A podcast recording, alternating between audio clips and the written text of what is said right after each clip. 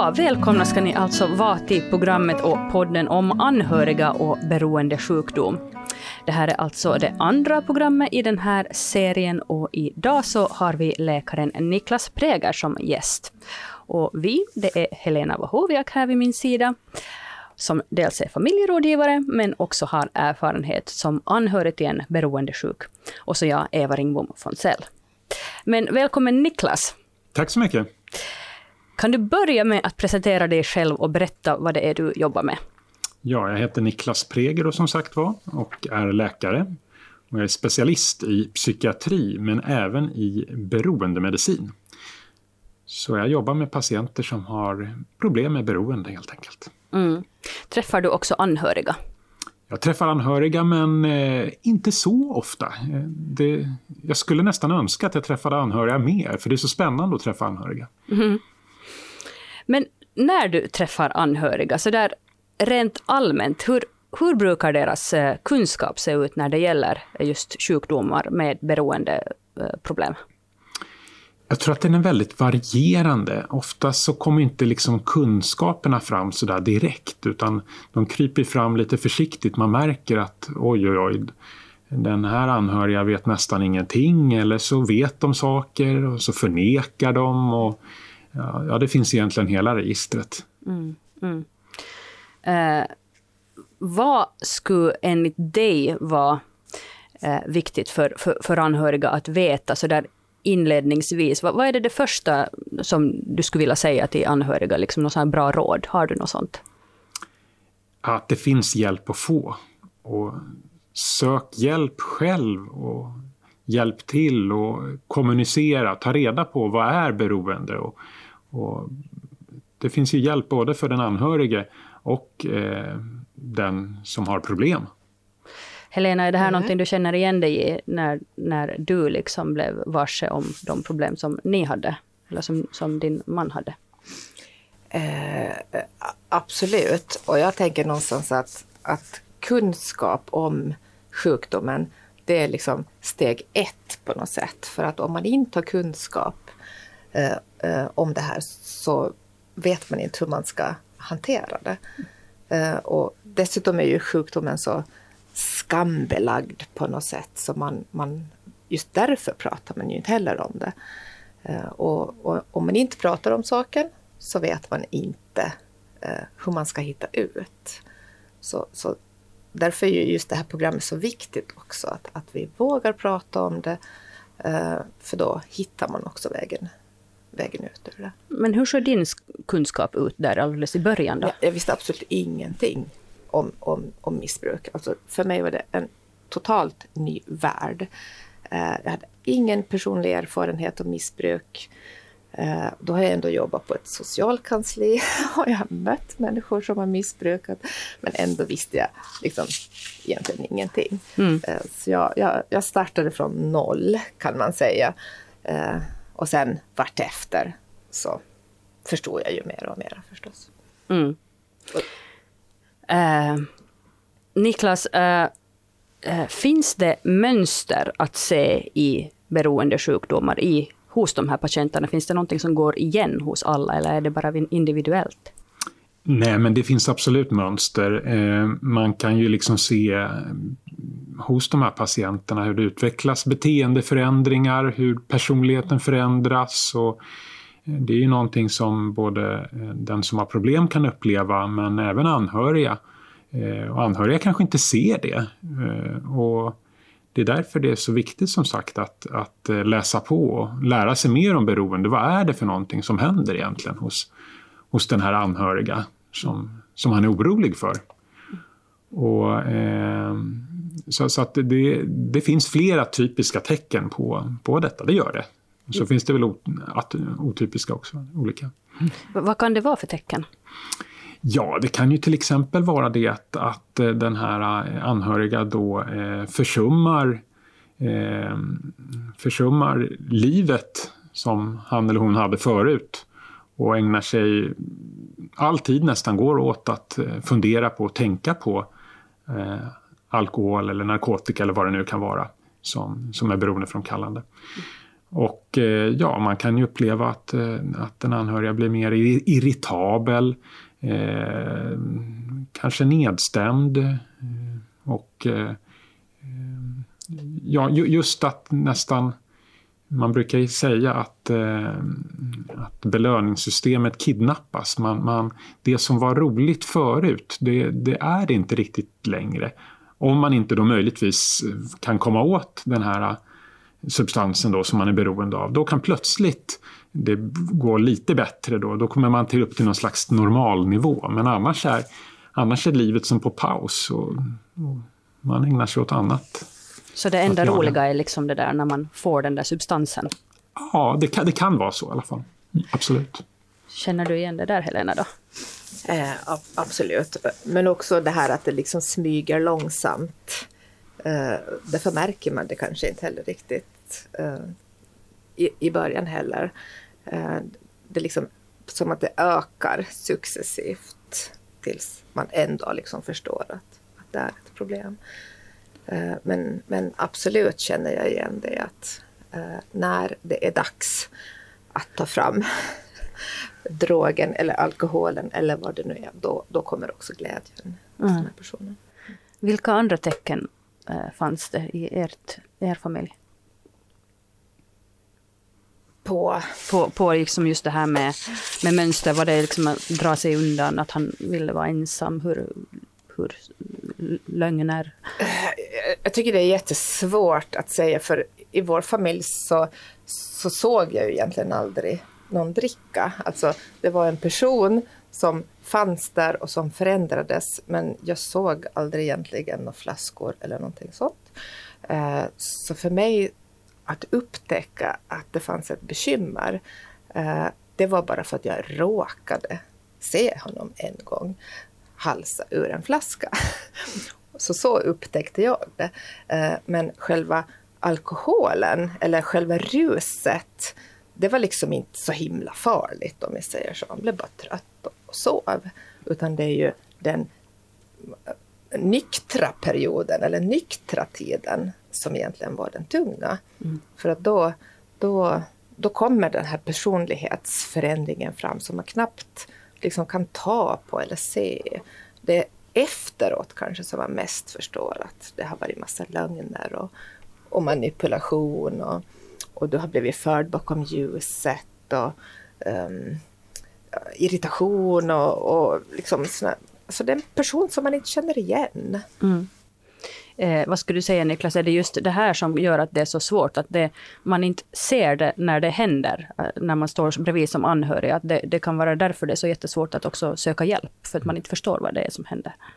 Ja, nej, det är precis som Helena säger. Jag, jag har hört det så många gånger just att, att det smyger sig på också. Man märker inte och man, man försvarar. Det blir liksom som en del av livet för den anhörige då att liksom eh, hjälpa till helt enkelt här. Och den anhöriga försummar ju då i så fall också kanske till och med sina egna intressen och sysslor. Då blir livet, livet liksom, det, det går ut på att försvara och hjälpa den som då eh, har problem och eh, alltså inte hjälpa kanske till att bli nykter utan snarare hjälpa till att få livet att bara liksom komma precis över ytan så att man, man, man, man nätt och jämnt orkar leva. Mm.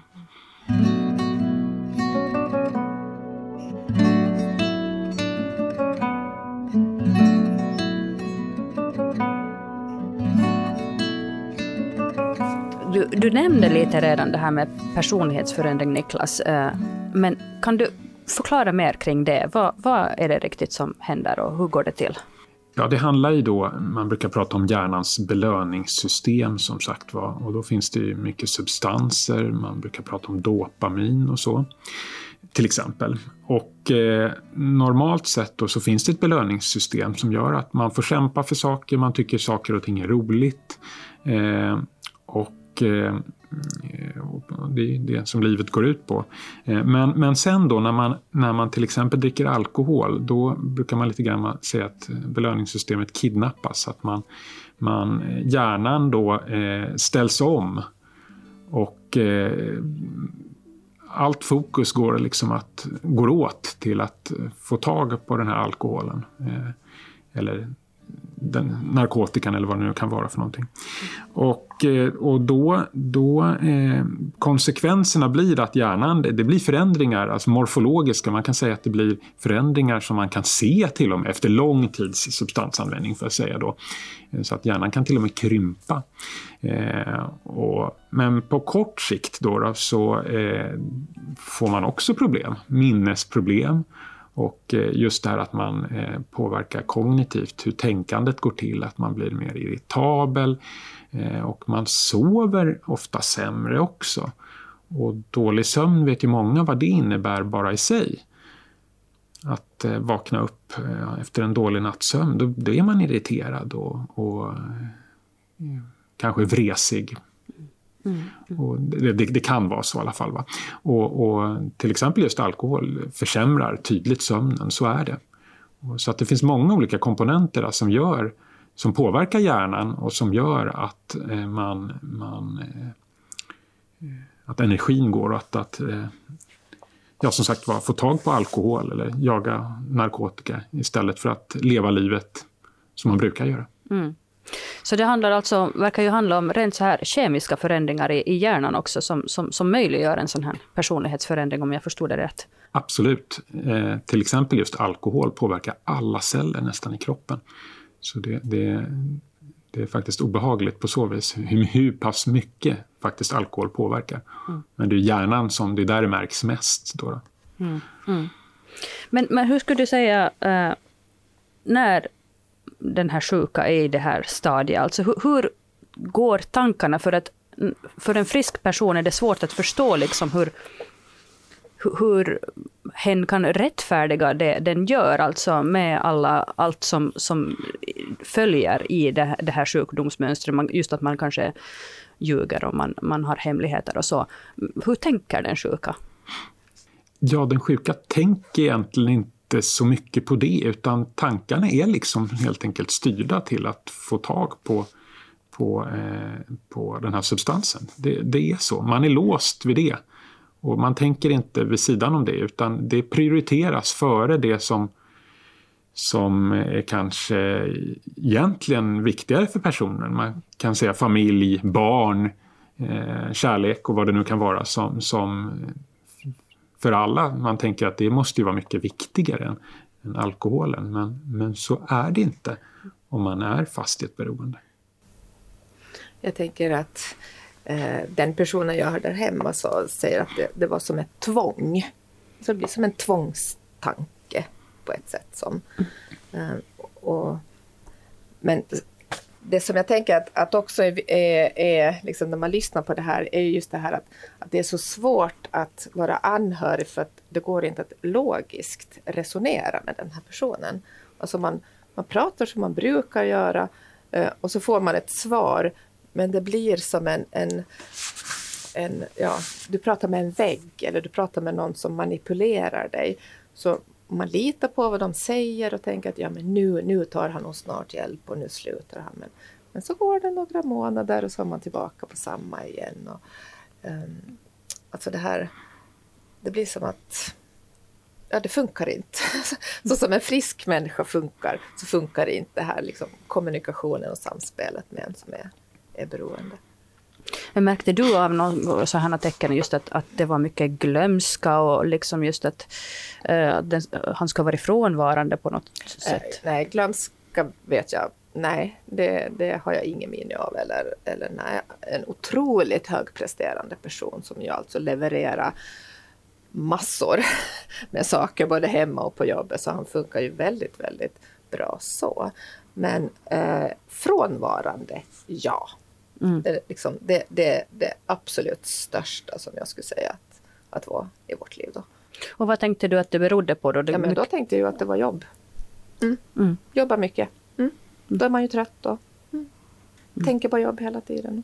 Det, var, det trodde jag de första åren. Um, eh, Niklas, går det att bli sig själv igen och få sin personlighet tillbaka? Absolut. Så är det. Och hjärnan, när vi pratar om den, den har en fantastisk förmåga att, eh, att reparera sig själv. Och det är någonting man har sett de senaste åren också, just att, att eh, det, det faktiskt går. Så det går absolut. Däremot kan det ta tid och eh, det är precis som Helena säger att det här, det, det man, det den anhörige kanske berättar om, men man tänker att det kommer förändras nästa vecka är det mycket bättre. Men så blir det ändå inte så, utan det kan vara en oerhört lång resa det här. Att faktiskt komma tillbaka.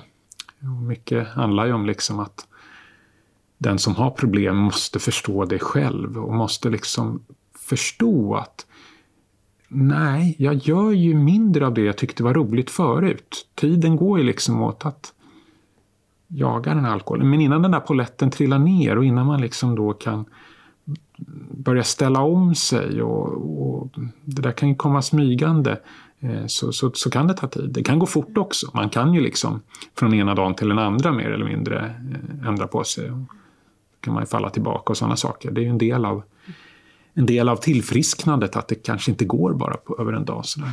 Mm. Men alltså, det är säkert jättesvårt att säga och du har ju ingen statistik så här tillgänglig nu, men vad är din känsla alltså bland dina patienter, hur många kan bli sig själva igen? Är det liksom, kan man säga så här, en tredjedel, två tredjedelar? Vad säger du? Nej, det är svårt att säga. Eh, men eh, alla blir ju mer eller mindre sig själva kortare perioder. Det är kortare eller längre perioder och det är ju det man får på något vis bygga på, att de där kortare perioderna blir längre perioder. Man måste ha tålamod och, och våga söka hjälp. Det är det som är jätteviktigt också här, att, att man faktiskt läser på och sen söker hjälp.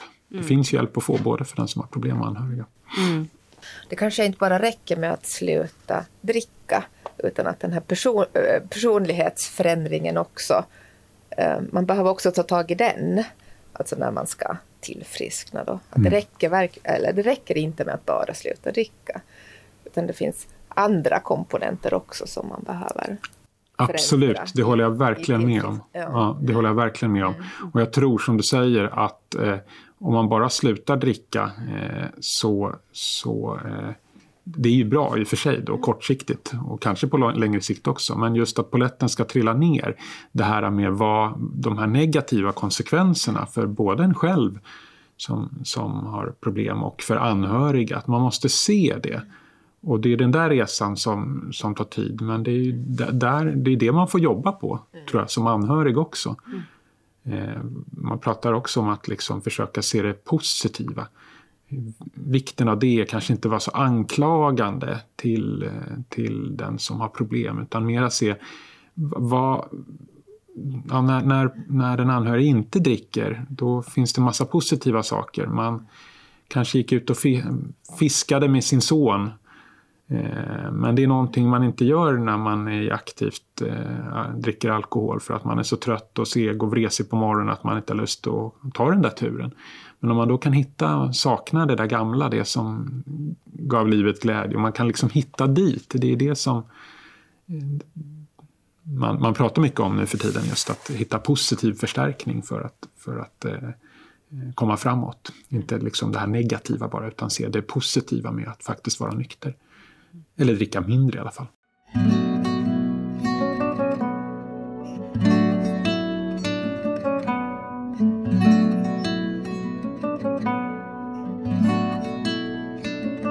Mm. Jag tänker att för anhöriga så är det ju också en Eh, alltså det är svårt det här med att ta till sig att det är en sjukdom. För det är ju väldigt lätt att man i, i ilskan också tänker sådär att, att varför ska man skylla på att det är en sjukdom? Liksom, skärp dig och sluta. Så, eh, men att det också är väldigt... Eh, alltså det, det förklarar ju det som händer där hemma när man inser att det är en sjukdom. Det är inte den här personen som av egen illvilja eller dålig karaktär gör att allt det här konstiga händer hos oss. Utan det är faktiskt en sjukdom. Eh, så det tycker jag, det, det, det gör liksom lite lättare att hantera det som anhörig. Mm. Sen betyder det ju förstås att man måste ju ändå ta ansvar för det man har gjort.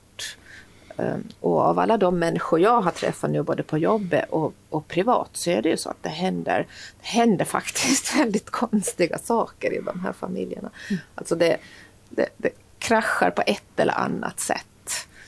Mm. Med mm. väldigt svekfulla saker eller vad man nu ska kalla det för. Mm. Uh, Niklas, vad skulle du säga, uh, hur, hur, stor, uh, vad ska man säga, um, in, insikt är, är det att inse det egna ansvaret för den som är sjuk? Liksom, vilken, hur stor polett är det som måste trilla ner? Är det, vilken, hur stor pusselbit är det? Jag tycker det är en stor pusselbit inte bara ansvar för sig själv utan kanske ännu mer då ansvar för andra. Så just det här att, att det är inte bara en själv som drabbas av att man, man har problem utan att det är anhöriga som blir lidande av det.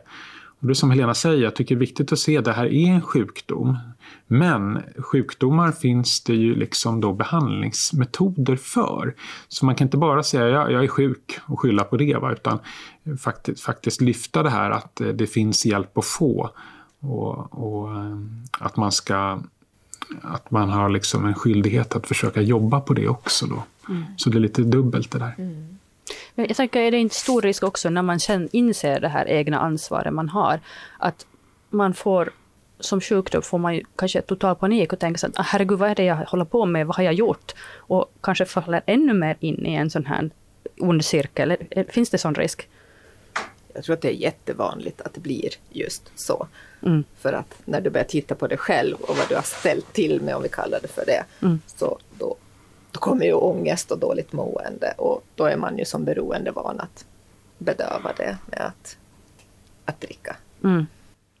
Vad säger du Niklas? Ja, jag håller med Helena helt och hållet. Det är ju så, just man brukar säga stress. Är det någonting som gör att man då tar till den här kortsiktiga lösningen med att ta, ta någon substans, då, då är det stress och det är det man tar till. Det, det, det, det, det är så man har gjort tidigare. Mm. Och det är det man gör då också om man får höra negativa saker eller att det, det är problem. Det är sättet att hantera det. Eh, jag tänkte att vi skulle prata lite om, om eh, också det här findrickande som vi, du och jag Helena har talat om förut. Eh, lite att det inte alltid behöver se så väldigt sådär om man säger trashigt ut i ett hem där någon eh, har missbru missbruksproblem. Eh, och eh, kanske att, jag vet inte om jag nu är fördomsfull, men det kanske är kvinnor som har lite mer findrickande. Vad säger du om den saken, Niklas? Eh, ja, och det, det kanske någonstans också eh, någon samhällssyn att, att män tar till alkohol, det är liksom accepterat. Men att kvinnor gör det inte på samma vis. Så då måste kvinnorna göra det snyggare, försiktigare, mer diskret. Männen kan vara mer öppna med det utan att skämmas. Mm. det, mm. Ja. Jag tror att, att eh, det där stämmer jättemycket. Alltså just det här att, att det är skamfyllt eller du gör någonting som du vet att du inte borde göra, gör att det blir smygdrickande istället. Mm. Uh, och jag tänker att det passar väldigt bra in i min familj där det gick totalt emot hans etik och moral och person. Och då blev det ju ett smygdrickande. För, för det är inte alltid så att, att, att uh, den som har problem kanske raglar omkring eller luktar. Uh, om, eller liksom, hur, hur var det i er familj? Mm, nej. nej, verkligen inte. Jag har sett honom berusad kanske. Om jag kände till att vi hade det här i vårt hem ungefär i tre år så på den tiden så kanske jag sett honom berusad tio gånger. Mm. Det, annars så var det trött. Mm. Mm. Och då kan man ju själv tänka, ja men, nej, men det var nog inte drickande ikväll. Han är nog bara trött efter jobbet. Så man förnekar ju liksom, mm. vill gärna hitta på att, att det inte är mm. det som man har framför sig. Niklas, om, om du, du får ge dina äh, bästa Eh, tips på att göra som, som anhörig när man liksom inser, när man har kommit så långt att man inser att nej men nu, nu, nu är det så att det, det här är ohållbart. Va, vad skulle det vara? Ja, dels så handlar det om då hur man ska eh, hantera situationen hemma vid då. Eh, och sen hur, hur, man ska då söka hjälp. Eh, och det handlar väl om både och där. Och det första, det kanske är det lättaste är ju att faktiskt söka hjälp. Hur ska jag hantera situationen hemma? Det kan ofta vara väldigt bra att kommunicera med någon annan kring det här innan man agerar själv. Så att det inte blir som ett misslyckande hemma. Eh, men, men det, är ju, det viktiga är ändå att, att man kommunicerar kring det här. Att man läser på och att man kommunicerar med sin anhöriga om det här. Och uttrycker sin oro också. Så det är kanske inte så anklagande. Eh, mer, mera försiktigt att jag är orolig för, för dig eller för vår familj eller vad det nu handlar om. Mm. Att man uttrycker sin oro mer än, eh, mer än skambelägger då och eh, liksom så negativ. Då. Och sen förstås hitta de här positiva sakerna då som, som man kanske saknar, som har funnits tidigare. För man, i den här relationen så finns det väl tider tidigare oftast som har varit då någon, någonting som kanske har varit bättre. Då är man tillbaka dit. Mm. Men man hör ju ibland om liksom fall där, där de anhöriga liksom bara totalt stänger dörren och säger att nu får det vara nog, jag orkar inte. Men, men måste man göra så eller kan man liksom för oftast vill man ju ändå fortsätta finnas i varandras liv och fortsätta stödja den andra. Liksom. Men hur kan man fortsätta stödja på ett vettigt sätt? Att inte liksom själv dras med i den här beroende spiralen igen. Finns det något bra sätt? Vad säger Helena? Ja, gick det för dig? Jag tror inte att det finns ett rätt sätt. Alltså det är ju det som är det svåra på något sätt. Och steg ett, det är ju just det här att, att börja prata om det och söka hjälp. Men sen är det ju en process i en själv. För det finns inte bara något sånt här, men gör så här så blir det bra. Uh, det är alltid olika från olika Det är alltid olika. Och, och som min beroende person, eller vad man nu ska kalla honom för där hemma, så sa han att, att det gäller ju också för den beroende. Alltså den har ju sin kidnappade hjärna och om den ska, ska sluta eller vill bli nykter eller få en förändring i sitt liv så kan den ju inte bara diskutera med sin knäppa hjärna för då händer det ingenting. Den behöver en, en frisk hjärna som den, kan, som, som den kan bolla med. Jag tänker så här att, att uh, det viktiga är att den beroende tar tag i sitt. Uh, då kan man finnas kvar vid sidan om. Mm. Men om den beroende inte erkänner sin sjukdom, förnekar den, då förstör du ju dig själv som anhörig. Då måste du bara fokusera på dig själv. Mm. Um, om, om man liksom sådär enkelt skulle kunna... Så då är det så destruktivt att, att ja, man måste... Ja, alltså det är bara så att erkänna att det, det, det går bara neråt mm. om, om den beroende uh, fortsätter. Alltså man kan inte ha...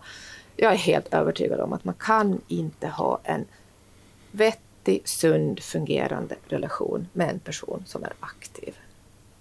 Eh, och med aktiv så menas ju också att den kan ju ha några vita veckor eller vita månader och sen far den dit igen. Det är också att vara aktiv. Och då så kastas man ju mellan total... Hopp och förtvivlan. Ja. Hopp och förtvivlan. Hopp och, och så hoppas man nu den här gången går det bra och sen så ramlar man ner. Och speciellt alltså om man har barn så är, man, så är det ju extra viktigt att man verkligen liksom gör någonting. Mm. Så att inte barnen liksom får växa upp i det här hopp och förtvivlanslivet.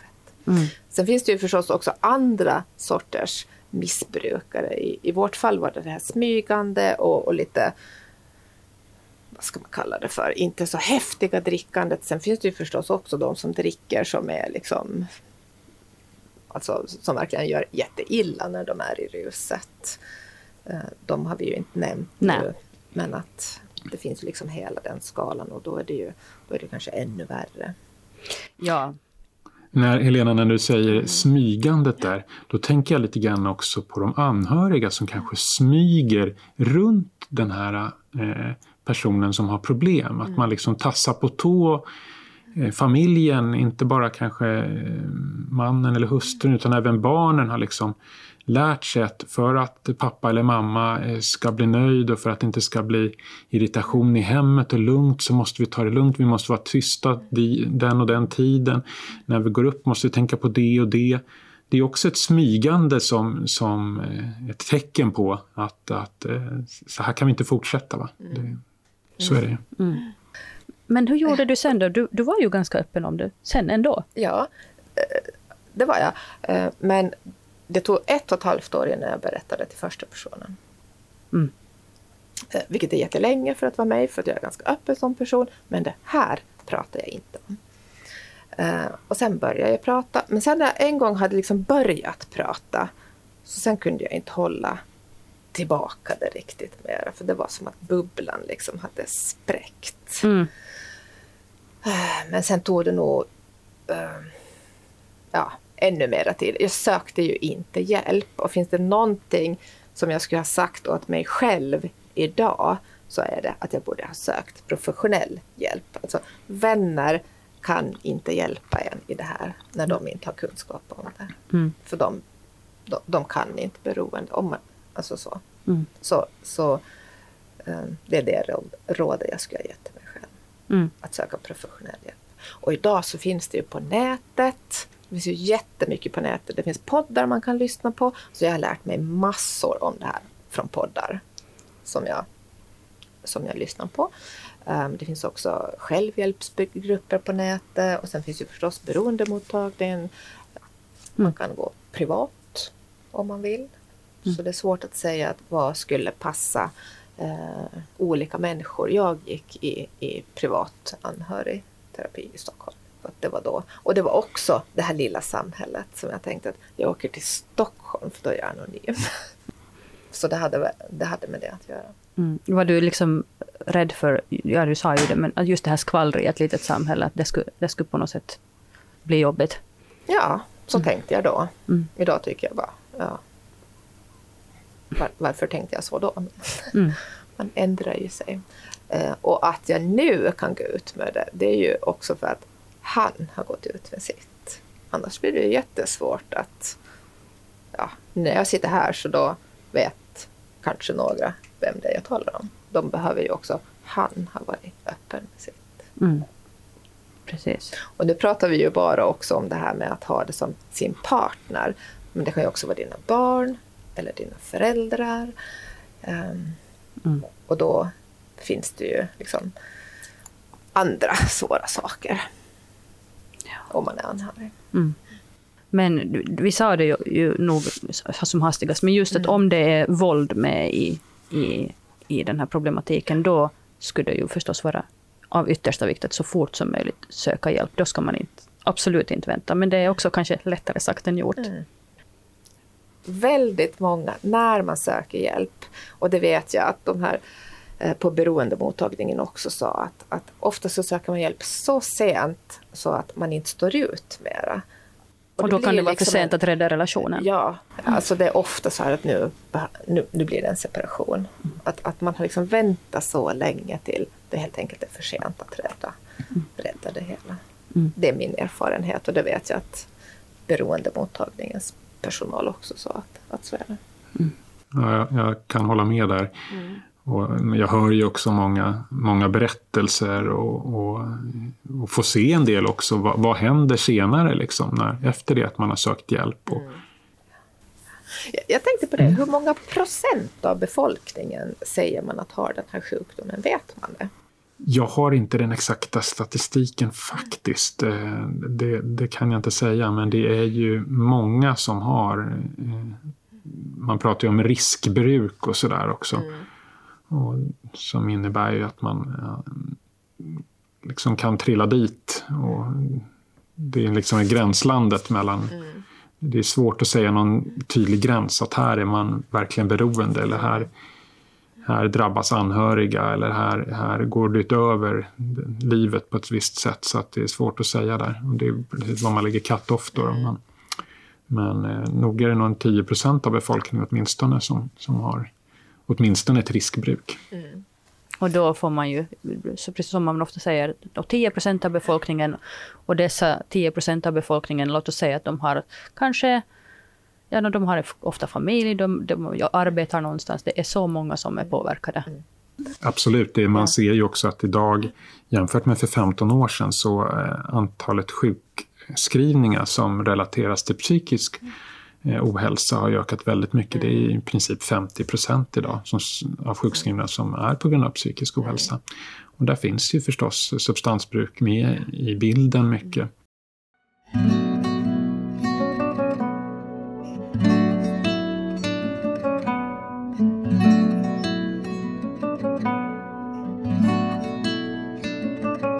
Vi inte heller får glömma det är ju att det kan, och det tycker jag är väldigt viktigt, det kan finnas bakomliggande faktorer till varför man dricker också. Det kan finnas trauman, det kan finnas eh, eh man pratar om PTSD, posttraumatiskt stresssyndrom, och det mörkertalet för det är väldigt stort.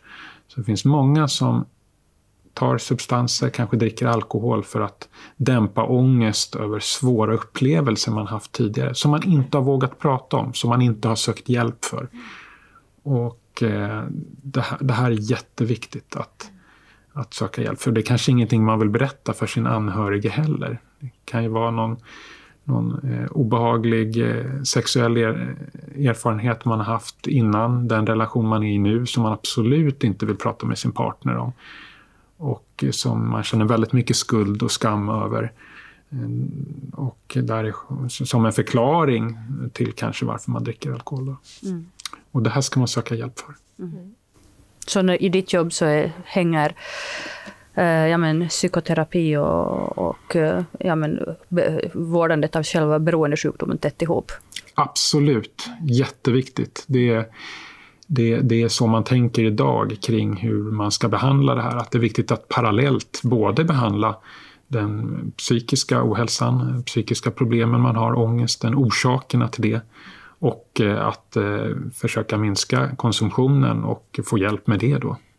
Mm det, det, det, nu håller jag på med i Stockholm, nu vill jag inte blanda in Stockholm för nu är vi på Åland. Mm. Men, men, men jag, har ju, jag är chef för en mottagning där som heter EVA-mottagning just för kvinnor och alkohol. Mm.